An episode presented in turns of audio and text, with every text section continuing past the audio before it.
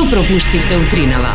крај на една работна недела, почна утрово малку грозно, со некои дождови, со некои облаци, ама го 7.30 дојде, ние се појавивме и ги разбркавме облаците. Скопје вчера како да се подиспразни, по се изгледа дека голем број на луѓе споија два дена и дувна некаде надвор од градот. Само за подсетување и за некоја утеха, наредната недела имаме тродневен викенд за тоа што 24 мај се паѓа во понеделник. Или се паѓа во недела, а понеделник е неработен, една од тие две варијанти која точно не е битно, битно е дека нема да се работи. Тоа го објаснува фактот што нема гужва од Сабале. Нема? Значи. Па нема, Нема, многу нема. брзо дојдов и многу едноставно дојдов, вообичаено има колони, колони, сега второ, трето возило, помини си, помини си и ете, стасав. Добро утро и од мене. Многу е тешко кога понелно ќе ти се падне во петок, ама што да правиме, мора да се работи, така што сигурна сум дека е, ќе ви бидеме одлично друштво овој петочки понеделник да си ги завршите сите работни обврски кои што остана од оваа работна недела. Се надевам дека вчера малку одморивте, сите вие кои што имавте слободен ден. Е, честитки за оние кои што празнува, а за оние кои што немаа можност да да бидат дома да речам или да бидат да имаат недела во четврток, останува нели она дека работната недела за вас траше и ве сме и денес да ве подружиме, па со нови сили до нови победи веќе од понеделник. Е, Само за подсетување имате уште само 5 дена да започнете да градите дивоградба некаде, затоа што за толку дена е, веќе нема да бидат опфатени сите нови дивоградби по хуката и буката и незадоволството на народот на социјалните мрежи. Е, Излегува со изјава дека тоа се однесува на 100.000 граѓани кои што живеат во со елементарни услови, па сега ете ќе може да си ги легализираат објектите. Никаде тука не се спомна дивоградби на поранешни градоначалници, како беше Мислам дека тоа се подразбира, ти кажувам, плацеви на поранешни премиери и, и, и слично, така да како и да е, пет дена само имаш да си ја доградиш или да си ја започнеш дивоградбата, побрзај ова е ограничена понуда која што не знаеме кога повторно ќе се врати на пазарот. А од вестите кои што може би ќе ве расположат е в зони по една година ќе крине рампите за македонските граѓани со доказ за примени две вакцини или со позитивен резултат за антитела. Не со позитивен резултат од, од COVID тест, туку со позитивен резултат за антитела. Така што еве, ако се прашувавте каде годинава може да одите на одмор, оние кои што веќе примија вакцина или прележа имаат супер слика после тоа, ете каде може да се прошетат периодов, денес, сутра, минатата, следната недела. Е в зони. Па не, не е в Ама зони, не, таму ќе поминете. Кажи како може сега, немој ти ќе се нагрнат сите и невакцинирани. Значи во Евзони можеш да отидеш на еден од три начини. Доказ на примени две дози вакцини, кажав колега, или Кажа. со позитивен резултат за антитела. потенцирај. Со примени две дози вакцини или со позитивен резултат за антитела. Мислам дека ме слушаат и значи што не слушаа тоа значи 2. дека од од сите македонски граѓани некаде околу само 30.000 во моментов се во состојба да одат во во Од Грција, освен ако не платат се- за антитела, затоа што ја мислам дека нема повеќе од 30.000 лица кои што се вакцинирани со две дози. Па, така, ќе некој да му доаѓа што значи дека сите оние кои што беа над колку беше 68, 70 Е, тие може години, да да, да. тие може да.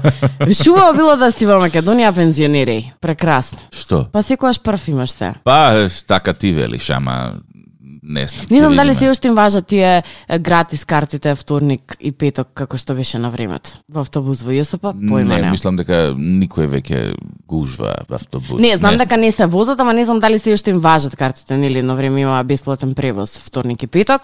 Во тие гужви не се знаеше, не, немаше ни игла кај да фрлеше и не се знаеше кој јаде, кој плаќа. Сега не знам дали е така, ама ет, блазисим, на крајот на криштата па заслужиле, работеле толку години, создавале, креирале, растеле деца. Мислам дека е сосем фер да имаат некаква предност пред нас другите. 7 часот 34 минути трач од Белата куќа. Ау, споделувај. Керката и снаата на Трамп биле интимни со телохранителите. Очекував нешто поскандалозно. Добро.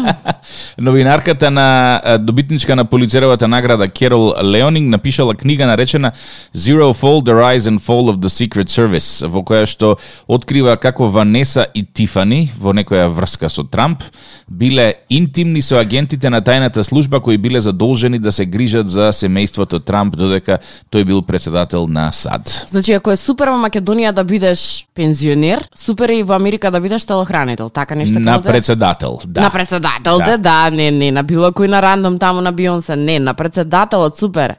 Ем се земаш платечка, ем си имаш пристап до на кое што другите може би немаат, а треба да имаат. Милина.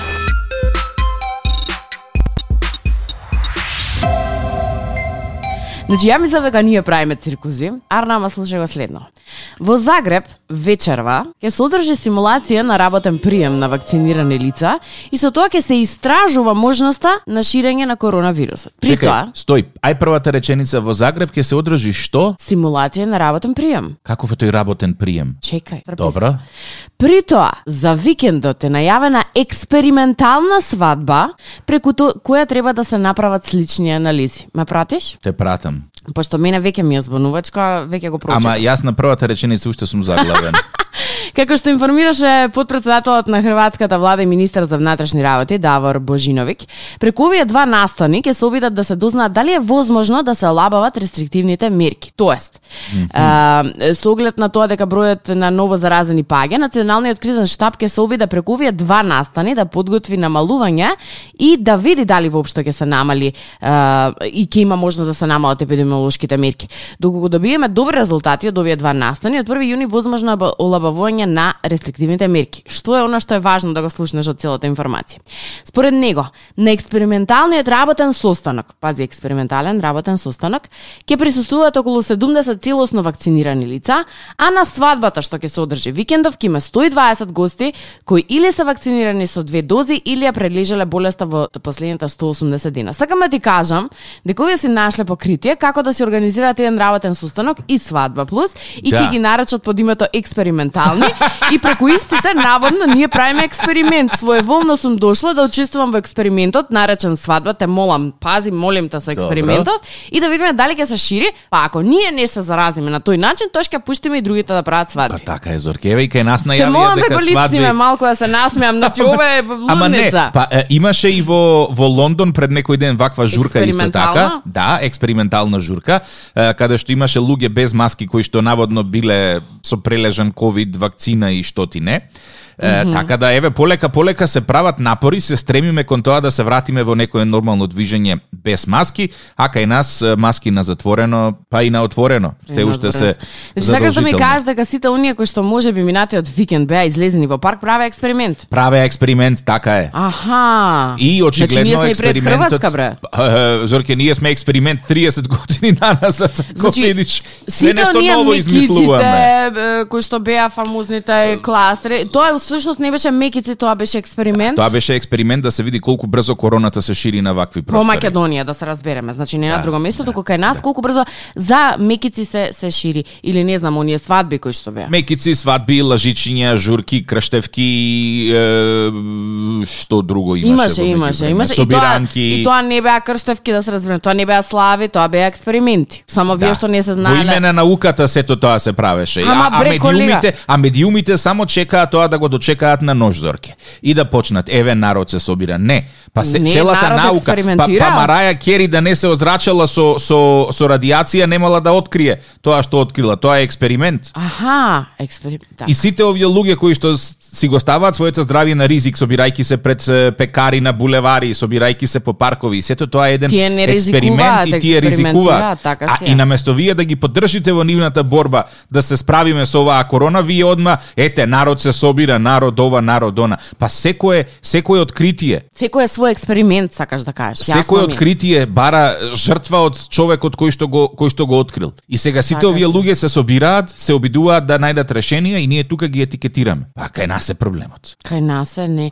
Знаеш, јас еве тоа се размислувам, значи за се што се случува можеш да се ставиш етикета дека е експеримент. Да. Е, седат тројца е, другари во парк, Аха. без маска на клупа, пробуваат да видат на кој начин се пренесува корона на отворено, доаѓа полиција, цап по 20 евра казна не носите маска. Чека чичко полицаец, ние Па не сме криви, ние ние работиме во име на науката, да, да видиме како тоа короната ќе се ќе Ова се што ние денес го правиме на клупа, утре може да му служи на твоето дете. Така е, апсолутно се согласувам. На, на тие клупи, Да, да, во да. тие паркови, на тие собиранки се случуваат радикални откритија кои што ќе влијаат на текот на короната во иднината. Какви све неоткритија се случувале по тие клупи? Особено ако се залее со понекој. Па не знам, јас Експерименти например, не знам дали се правиле, ама откритија сигурно дека биле е, откриени, да речем, ајде. Јас на пример е, на тие клупи ја извежбав петката по биологија далечната 85-та.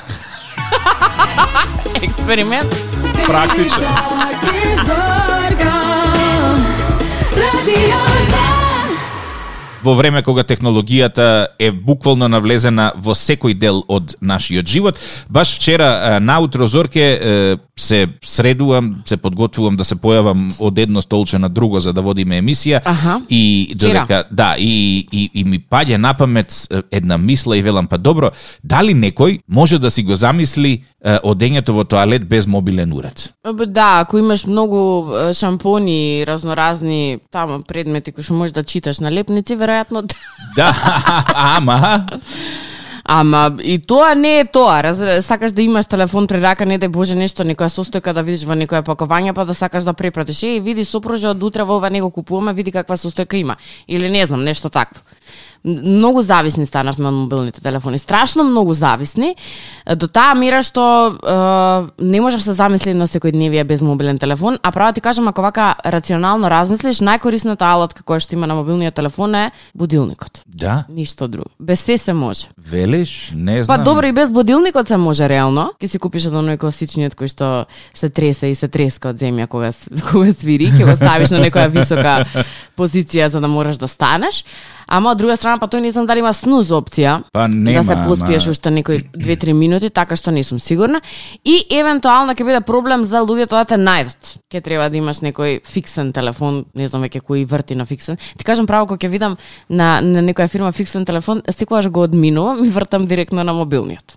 Од Да, веќе никој не- не не, користи ама и, тоа. и да има фиксен, веројатноста дека ако не ти кренат после тоа ќе те побарат е нула. Вака барам на мобилниот стои тој пропуштен позив, па сум со надеж дека некој ќе се пријави, евентуално. Инаку на тема колку сме зависни од телефони. Ма еве гледам сега скрин тајмот колку ми е и Колку морам да ти многу. Колку е? Па некаде околу 5 часа дневно. А па добре, јас мислев кузна колку е. Може да биде и 8. Па, Кај мене вчера 4 часа и 20 минути, нешто помалку од тебе. А, меѓутоа, поново си ставив подсетник за screen time и секој пат кога ќе надминам 4 часа, што и 4 часа 4 сметам часа дека е многу да ми прати подсетник Зорка Олабај се за денес. Инаку на оваа тема, особено за тоа до каква апликација се докопав, која што мислам дека многу ќе ви помогне, особено вие кои што имате деца тинеџери или таму околу тинеџерските години и војна водите со тоа ајде да се намали скрин тајмот или времето поминато на телефон. Не открив топла вода, ама открив супер корисна апликација која што може мене барем ми го ми го спаси животот животот оваа недела. Што си открила некоја апликација што лимитира време на телефон кој што деца поминува. Знаеш колку има такви? Внук ми имаше на, внук неколку. ми на, на 5 години успеа да ја хакне. Ба види, има опција да ја хакнем, не е дека нема ќе избришеш апликацијата и чао. Меѓутоа, ако се договориме и ако стоиме на договореното. А, кај вас, кај вас вреди. демократија, значи, така? Па нешто така не би рекла баш дека е демократија, ама нели кога се мора, ништо не е тешко. Ако ме разбираш, колега.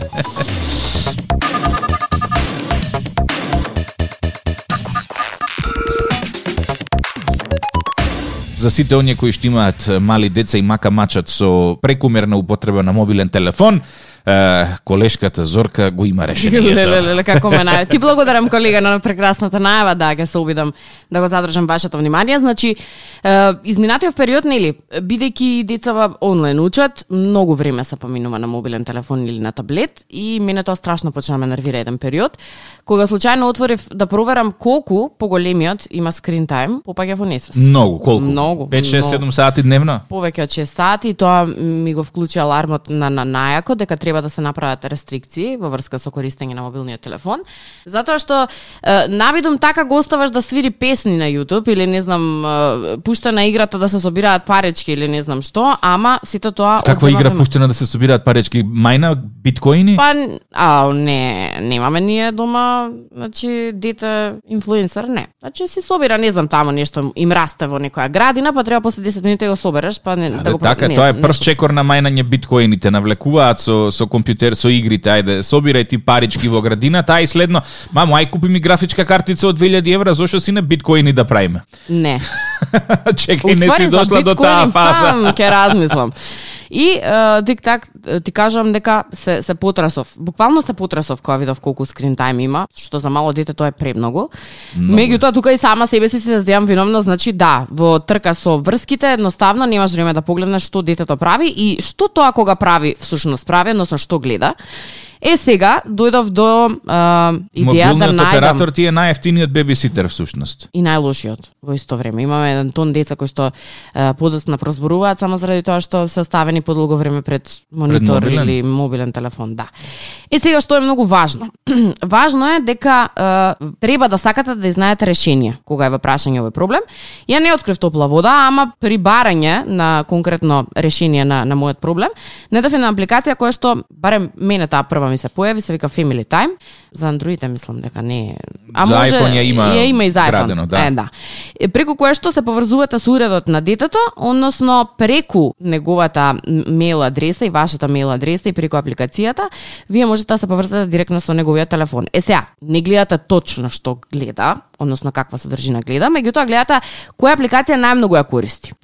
Uh, поврзувањето значи може да се случи со два уреда, и во нашиот случај два уреда има и со двата уреда се поврзани. И сега она што е многу интересно е дека uh, кое всушност апликацијата го мери кое е вкупното време на користење на уредот во текот на денот на детето и најдобриот дел е тука дека вие може да одредите која апликација колку може да се користи. Така, и кога при ќе помине разговор со времето, детето. капут, нема Е, повеќе. сега оно што е многу интересно. Мислев дека ќе даде само некоја сигнализација вашето време е истечено и толку не Ја блокира телефонот. апликацијата. Не, не, не ја блокира апликацијата. Телефонот се гаси. Откако детето ќе ги помине да речеме два часа, сте се договориле дека смее да го користи мобилниот телефон, откако ќе поминат двата часа, е, телефонот или таблетот се гаси со еден црн екран и ти пишува дека твоето време за денес е истечено. А може да звониш? Може да звониш, односно ти како родител имаш можност да направиш е, кои алатки на мобилниот телефон може да бидат целосно достапни постојано во текот на целиот ден и детето има достап само до тие 3-4 алатки, да речеме телефонски број или SMS порака или не знам Times ова што имаат нели часови преку него. Viber на пример, само тие алатки се дозволени за користење, се друго е заклучено Опа. што мене особено многу ми се допаѓа. И исто така ти покажува локација на уредот. Каде е детето? Значи ако го носи цело време со него уредот, ти покажува локација постојано. Тоа е добро и за подома на сопрузите да им инсталират. Па не, ова не го кажувам во таа насока, меѓутоа ете Јас- каде ти оди го- мозок. Го сугерирам. Со тоа што ти како родител имаш можност да поставиш распоред на мобилниот телефон на детето преку твојот уред, колку време детето може да го користи мобилниот телефон, а нешто што мене особено ме радува е bedtime. Значи можеш да да наместиш во колку часот телефонот се гаси, Комплет. Па не е комплет, така Да, исто е, со тој скринот, меѓутоа не може ништо да користи. Опа. Ниту тие е, Viber и, јавување и SMS пораки не може веќе да се користат, кај нас е наместено од 9:30 до 7 наутро, така што ако успе, нека изволи, нека користи. Она што е многу интересно е дека на овој начин, на пример, јас конкретно и вие можете да се обидете да го научите детето минимално да го користи мобилниот телефон и реакцијата од поголемава која што мене реално многу ми изненади вика ау мислев дека ќе ми биде страшно многу досадно и дека ќе нема што да правам меѓутоа испадна дека имало многу интересни работи да се прават кога не можеш да користиш мобилен телефон. И мислам дека тука сум апсолутен победник во категорија најродител кога е во прашање ова иако не сум најродител. Стаса една порака. На Инстаграм вели сите другари и другарки на моето дете имаат мобилен, таа нема и сега се кршам како суга гранка дали да ја купам. Има и зошто треба и зошто не треба. На тоа зошто треба додавам и дека ќе се чувствува лошо што единствена е која што нема, ама па и зошто не има еден куп аргументи. Ова е многу длабока тема. И сега, кој е вистинскиот момент за вашето дете да добие мобилен да, гледаш, телефон? Тоа е, тоа е многу е, важен или драмски момент. Сите имаат, моето нема. Имав Дали треба да има? Имав една пријателка која што е, кога имаше дете, кој што сега има 8 години некаде од прилика, е, реши да го одгледува без модерна технологија. Значи немаше таблети, немаше мобилни телефони, немаше ништо. Детево во училиште има проблем со социализација со други деца. Зошто? Затоа што едноставно нема тема на муабет. Да. И мајкава сега, пријателкава моја се жали века дали направив Добро лошо лошо? наместо добро. Значи од е, од желба да да направи помогнеш, добро, да. всушност ти го креирав сосема спротивниот ефект затоа што сите деца денеска растат на На на, гаджети, тој на начин и било во моментот кога некој без гаджет ќе влезе во во равенката, ти си аутсайдерот, а не тие со мобилните телефони. Што треба да е Иако обратно, всушност. Па, од наша гледна точка, да, би требало да е обратно, затоа што ние растевме, нели, е, игравме ластик, игравме топка, игравме она, сега децава се сите во телефоните. И стварно, кога шетам низ град, ке приметам седат двајца, тројца на клупа и во телефони штракаат. Да, и си прават муабет И си прават муабет. И е, сега, ете, разбирам дека има родители кои што мислат дека тоа е претерано, дека тоа не треба така, меѓутоа реалниот проблем доаѓа кога децата малку ќе подпораснат и ќе тргнат во училиште. Вели нема заедничка тема со ниту едно друго дете. Сите тие работи што ние е, ги го учевме кога беше мал, од типот на активности надвор, стари игри, едно, друго, трето, децава го гледаат као дете Што што е?" што ти е. Као не нрдот, а не овие Да, другиве. а не обратно.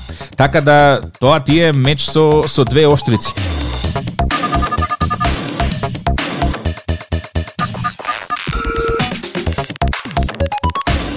На тема социјални мрежи. Добро.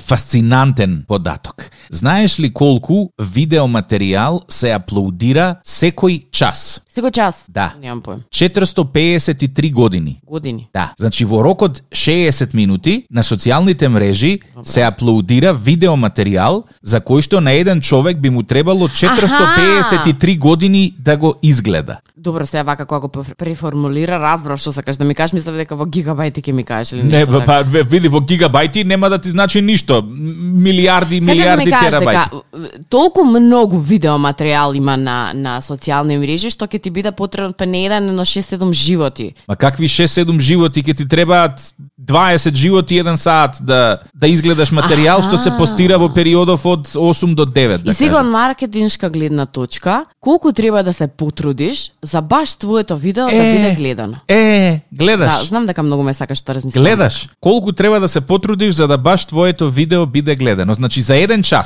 еве, од 8.30 до 9.30 на социјалните мрежи ќе се постира видео материјал за кој што на еден човек ќе му треба 453 години да го изгледа. Замисли колку видео материјал е тоа во текот на 24 часа, а колку е во рокот на една година или животниот век на човекот. Оди и некој ќе каже после не чинеше времето кога фотографиите на филм се правеа и мораше да се развие. Чинеше, чинеше. А чинеше. До ден денес кога да извадиш фотографија, си го правиш целиот филм назад во главата, кај беше, што беше, за кој беше, како се чувствуваше и така надаму.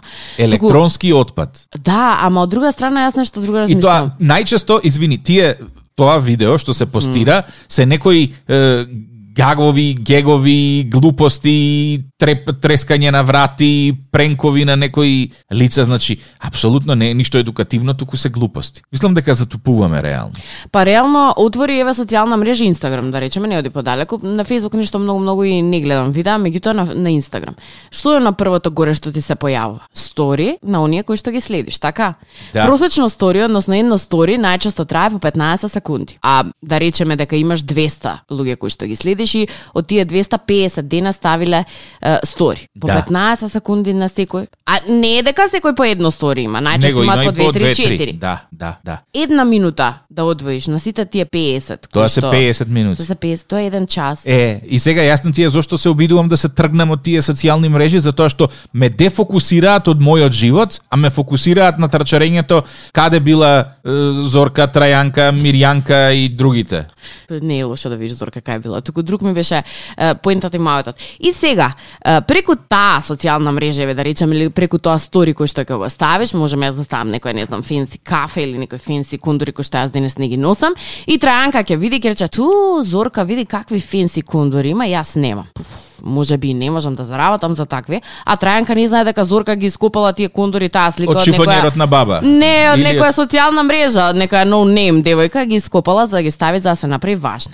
И тука имаме еден друг момент кој што се вика креирање на лажно мислење. Да, експерти сме за тоа. Да, да, и, и дека ние како живееме тоа фенси ми. Ти ако реално живееш фенси немаш време да споделуваш тоа на социјални Да се ми мрежи. жива и здрава. Фала ти многу. Исто И- како што оние тврдат дека сите вистински менаџери читаат по 20 книги годишно, да. Па читаат? Не Мислиш дека годишно, извини, месечно. Мислиш Како да беше таа апликацијата што излегуваше?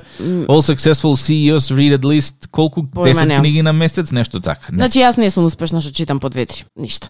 Е, сакав да ти кажам дека склони сме кон е, креирање на лажен живот и лажна себе перцепција да ја поделиме со другите дека колку добро ни оди во животот. Реално тој што навистина толку добро му оди во животот, нема време да седи да споделува и да ви објаснува дали добро или не му оди добро во животот. Тој си живее живот. Е сега за нас останатите кои што сакаме да се и милуваме да се подлажнеме со блиските, дека леле колку сум успешна, па колку сум добра, па колку сум слаба, па колку сум, постојат еден тон апликации кои што можат од твојата фотографија најобично да направат модел. Звезда. Да, модел и звезда. А постојат што толку апликации кои што ти нудат слободна содржина за користење, па истата таа можеш да ја постираш како да е твоја. Така што пазите на кого му, му верувате. Ја е тик обично што постираме храна, постираме и кој кај шетал, односно кој го шета детето, кој го шета Кучето така што кај нас не може да бидете прелажани. Порака на Инстаграм вели Според мене треба што е можно подоцна по можност после 18 години да се даде телефон на дете, но керка ми е 7 години и оди во прво оделение, само таа нема мобилен, децата не ги носат на школо, има забрана од наставничката. Сега за сега се разбираме, но не верувам дека ќе успеам до 18 години да не и дадам мобилен. Сигурно нема да успееш. Вака најотворено ти кажам. Многу ти е добра идејата и целта и јас ја, јас го делам тоа мислење затоа што во моментот кога ќе дадеш мобилен телефон некако детево ти пораснало и не само тоа. Има толку многу небитни работи кои што може да ги прави, а ќе ги прави и некако да сакаме да ги заштитиме, ама не знам колку е тоа паметно зашто од друга страна пак сите имаат, а само твоето.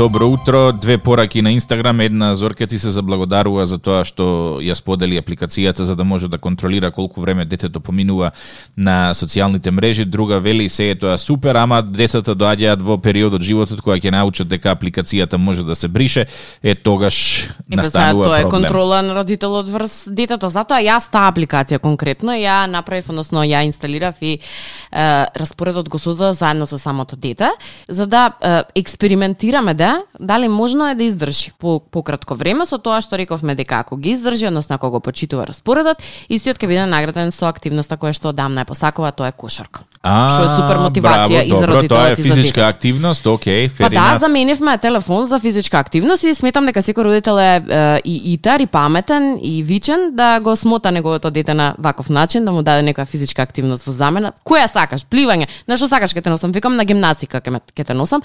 Не ќе ме гимнастика, сакам кошарка. Океј, ќе одиме на Добро, кошарка. јас би одел Така на што варијанта да коси треба во двор, да ги вади свекињата, да, да Па тоа е корне. активност за која што можеш дополнително нешто да го почастиш, чисто дека е добро и значи не го подмитуваш да се разбереме, туку го Да, да го, го, почастуваш. го плаќаш. Сега бареме лесно имате некој. е, сликички за фудбал, имате не знам игри таму, мада што веќе на игри пари нема да трошиме рековме, меѓутоа патик и не знам нешто. Па и не мора да е толку крупно, може да е нешто ситно, еве сликички.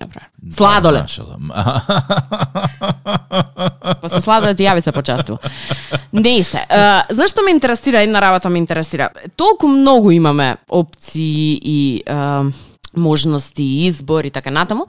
И пак новите, да речам, песни, новата музика која што излегува, ретко ретко дека ја знаеме од почеток до крај. А, на времето, на времето, извини само да се докажам, немаше YouTube. Или ако имаше, беше многу скапо да се користи, да речем, YouTube, а и ги немаше сите песни достапни таму, а ги знаевме сите текстови на песните. Затоа што слушаше музика на радио. Па добро и сега можеш да слушаш музика на радио, да речем. Види, сети се на она што ти реков пред малку. Секои 60 минути се вадат Ама зборуваме за 453 сега. Е, па, толку многу музика се произведува Зорке, што ти нема теоретска шанса се што е ново. Порано се знаеше, е, издавачка куќа печати CD или Добра. плоча, ја праќа плочата во во радио, радиото селектира што да се пушта, остатокот оди во ѓубре и се правеа хитовите. Сега имаш еден куп стриминг сервиси на кој што секој кој што ќе направи песна може да ја Сакам да ти издаде. кажам дека во денешни услови е многу полесно да стасаш до својата публика, а се помалку и помалку допира до нас. Еве јас сум публика, така? Така е. Нова Е, песна немам слушната, ку знае колку време. Да си ми жива и здрава. Полесно е да стасаш до публиката, ама не допира до нас затоа што има многу шум, ѓубре, отпад. Аха, и веќе што те- твоето уво не, не го не детектира и се плаши да Па го не, ама ти си ти на, на пример наместо ти да слушаш една добра песна, тебе ти се пласираат 20 маркетиншки позиционирани песни кои што се ѓубре, ама издавачот ги промовира, ги бустира, ги става како прирол Ама на и друга YouTube. работа, ајде окей, како на времето се учеа песни? Да речеме имаш опција да, да ја слушнеш на радио Да, или да ја видиш на телевизија. да. Што правиме? Ако е нова песната, сакаш да научиш, немаш како да ја видиш, немаш како да ја знаеш. Знам дека едно време излегува ние касети, па имавме ние можност помладите да речем да ја снимеш на касета па да ја преслушуваш на сто пати и која Да. беше радоста само да ја начекаш без реклама на радио. Пуф, Да. огромна. Е Или сега без да зборува некој. или без да зборува, да, обично на почетокот и на крајот страшно ме нервира тие што работеа Сега како мене сега ќе си го укуцаш е, насловот на песната на на Google и ќе ти излезе текстот одма. И пак не ги знаеме толку многу песните колку што се знаеле на старото време. Значи, нека Тоа до нас е ние старееме, мислам дека клинциве и клинцезиве ги учат на памет. А ја мислам дека не е тоа така, заради тоа што мене ме интересира една работа. Ние сме ги знаеле сите песни. Сети се, еве да речеме македонска музика, се сеќаваш на постарите хитови, така? А не на Да, поновите. да, да. Хитови во време кога оделе само на радио, да речем. И си немал можност да си ги прислушаш на YouTube како сега. А сега, еве ти класичен пример, купувам она што е Bluetooth алатката за во автомобил и викам, окей, ајде ке ке слушам, да речем, на некој начин, или ке си пуштам се оно ја што сакам и го земам телефонот во рака, ја не знам што да пуштам. Премногу избор. Но вистина не знам што да пуштам да слушам во кола и да живам. И на крај се одлучувам за радио да слушам. Па, Многу добро, интересно.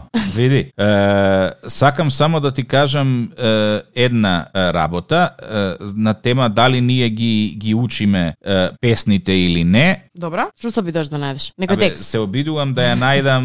Ама тешко ти оди. Да, не, се обидувам да најдам изведба, не текст. Каква изгледа? Е, на песната на Мараја Кери на бугарски идол ми се чини дека беше. А, Кен Ли, Либо Диво Даучио? Нешто Да. така што беше? Така нешто одеше. А, таа една госпоѓа многу симпатична која што е, ја разби мистеријата дека всушност е, песната на Мараја Кери не е на на е, на, на англиски јазик, туку е на некој бугарски јазик. И ти тоа треба да го знаеш и те- тебе тоа треба да ти биде јасно.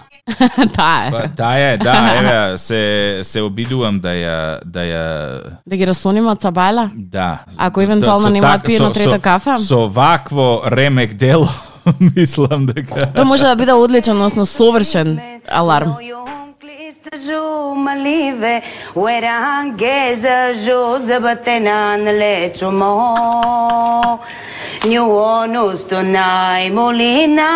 Yon Sora Show.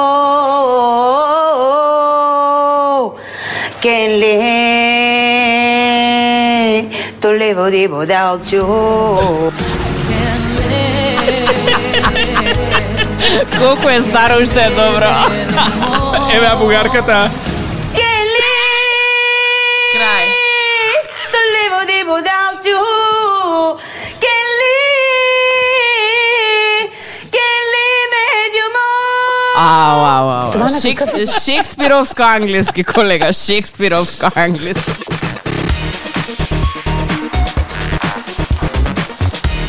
Симона е од Прилеп. Добро. Работи во општа болница, сега со коронава е баа ги олабавена, се би требало да биде под контрола. По распоред треба да е, е прва смена, Зорка вели има искуство со поредување и знаете Не би како сакала да да се навраќам на тоа искуство, многу ви благодарам.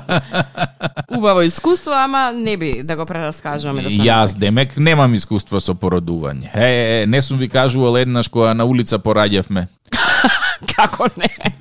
не. Никогаш не се случило. Не Хаштаг се ние се случило. десило. Ало, ало, зошто не те Зошто слушам? Слабо те слушаме? Ај Јас се. ве слушам. Е, јас сега ве слушам. Добро е. Па како си? Добра, вие како сте? Добро сме ние работно, е, дискутираме за за породување. Ве слушам, ве слушам. За твојата работна позиција се навративме на некој спомен и еве тик так раскажува на улица како порегел жени бремени. Да не ви треба уште еден акушер со искуство од улица. Секогаш, бараме, бараме секогаш персонал треба. Еве, еве, ќе го пратиме. А многу строго се Ајде, на улица таму пред болница да стои. Јас, Зорке, сега се Знам, случуваат знам, во вакви такси работи. си порагал, знам, знам. Знаеш, има некоја, ова е многу смешен податок, има некоја поврзаност помеѓу тик-так и бремени жени. и знае зошто, се знаеме зошто. Меѓу другото, а, ние ти сајавме да ти честитаме роден ден. Фала многу, фала. Повелете да ве честам, дојдете. Фала. О, да не. Леле, од кога никој не ле поканил да не почасти нешто? Еве, сега не частат во прилеп. Таман кога ќе одам Крушево другиот викенд ќе застанам кај вас. Може, јас и со моите корени прилепски, супер ќе се снајдам. Честитката е од сопругот Кире, и децата Калин и Каја. Каја, фала Да. многу, фала. Како ќе се слави денеска? Денеска сум на работа, ќе славиме утре. Океј, убаво да... Епа и утре е Денес си поарно. на работа и ќе видиш кој се ќе ќе слави роден ден на, на твојот роден ден. Да, Во иднина. Да, така, Шуба. Да, Е. да, да, да. да. Симона, имај прекрасен ден, се слушаме Фала, наредна фала. прилика. Благодарам многу. Чао, чао.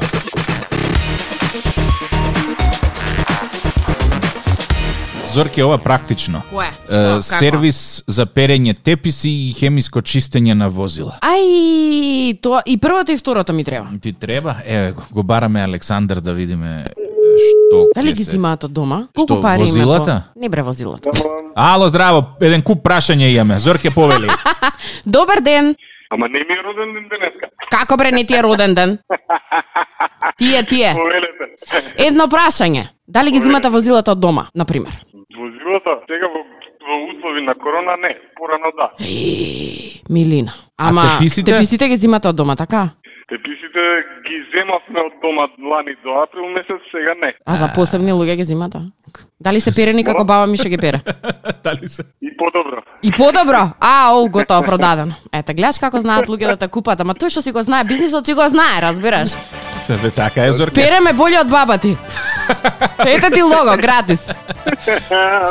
Среќен роден ден. Фала. Утре ми е, ама се прифаќа. Е, Па, па, утре утре е не сме сабота. на работа, да, да, да. Да, да, да, предпоставам. Е, Да. Честиткава ти од сопругата.